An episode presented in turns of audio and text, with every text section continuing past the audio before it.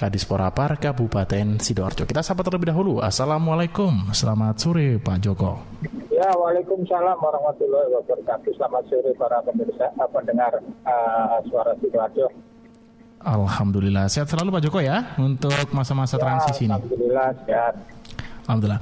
Pak Joko, ini untuk uh, Perbu uh, ada informasi yang memang sudah masuk di redaksi ini sudah ditandatangani juga untuk uh, perbubnya. Bahkan di nomor 44 ini ada beberapa poin ya terkait dengan kegiatan seperti tempat-tempat hiburan malam ini yang tidak seperti aktivitas di tempat usaha lain. Ini berarti masih belum bisa beroperasi, Pak?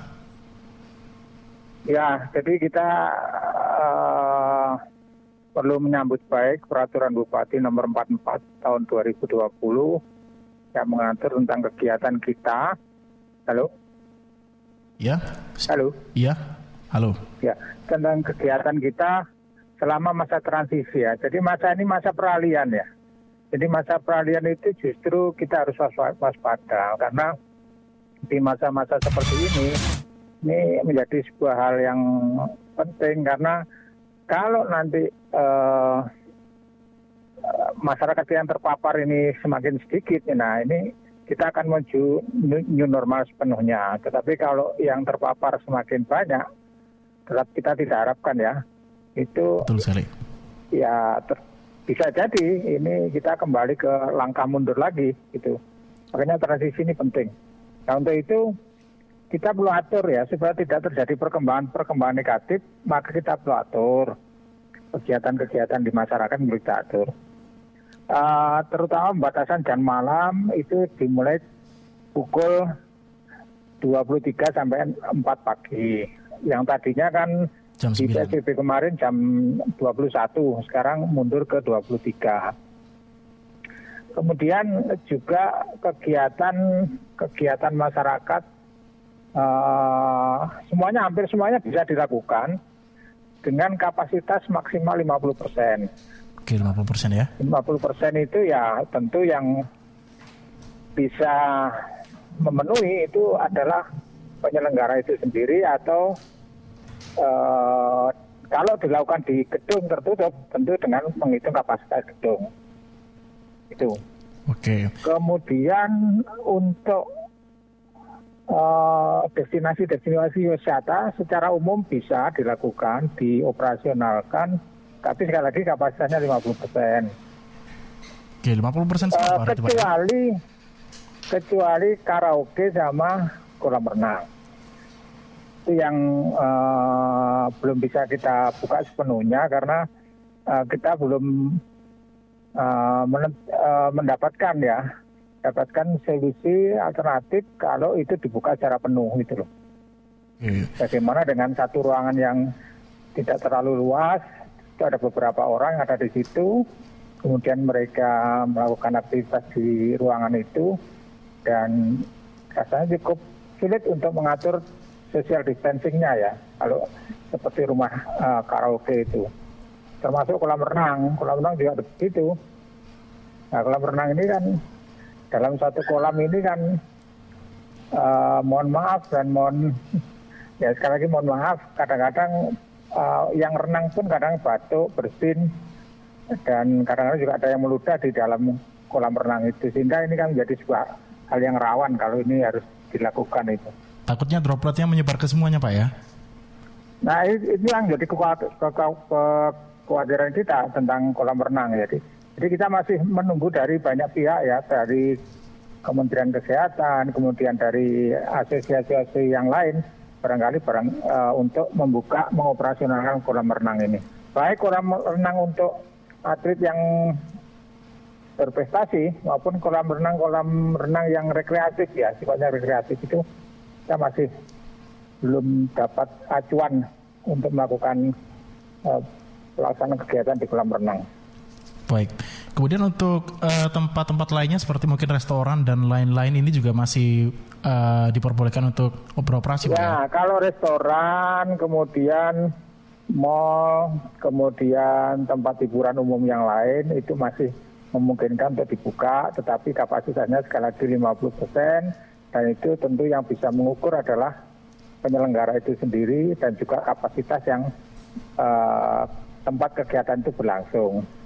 Khususnya yang indoor. Kalau yang outdoor, kegiatan-kegiatan massal yang outdoor itu uh, masih kita pertimbangkan juga ya. Mohon maaf ya, masih kita, kita pertimbangkan juga. Misalnya uh, katakanlah uh, jalan sehat, senam massal, kemudian juga pertandingan-pertandingan olahraga yang bersifat uh, terbuka dan sebagainya itu masih kita pertimbangkan.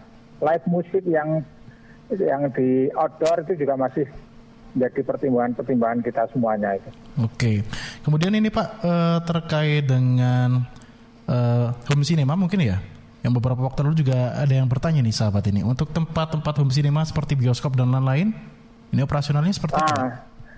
Bioskop uh, akan ada aturan tersendiri ya. Ada beberapa hal yang diatur sendiri itu uh, satu karaoke, kolam renang, bioskop, kemudian live musik indoor, kemudian spa atau panti pijat, kemudian juga tempat bermain anak-anak yang yang sifatnya indoor.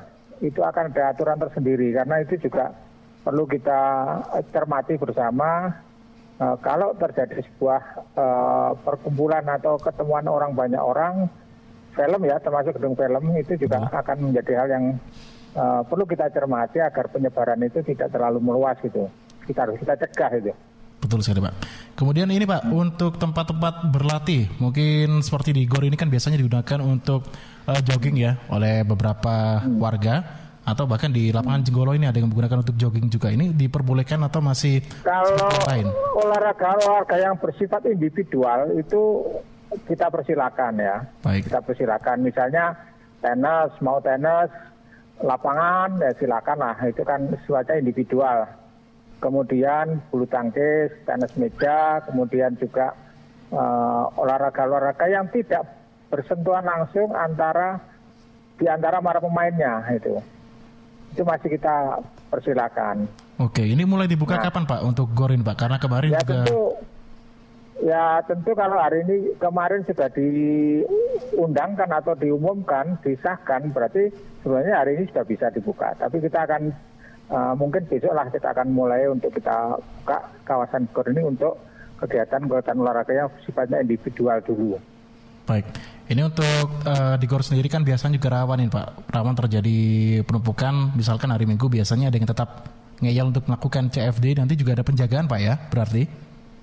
Ya, tentu semuanya diawasi dan tetap ada monitoring dari banyak pihak.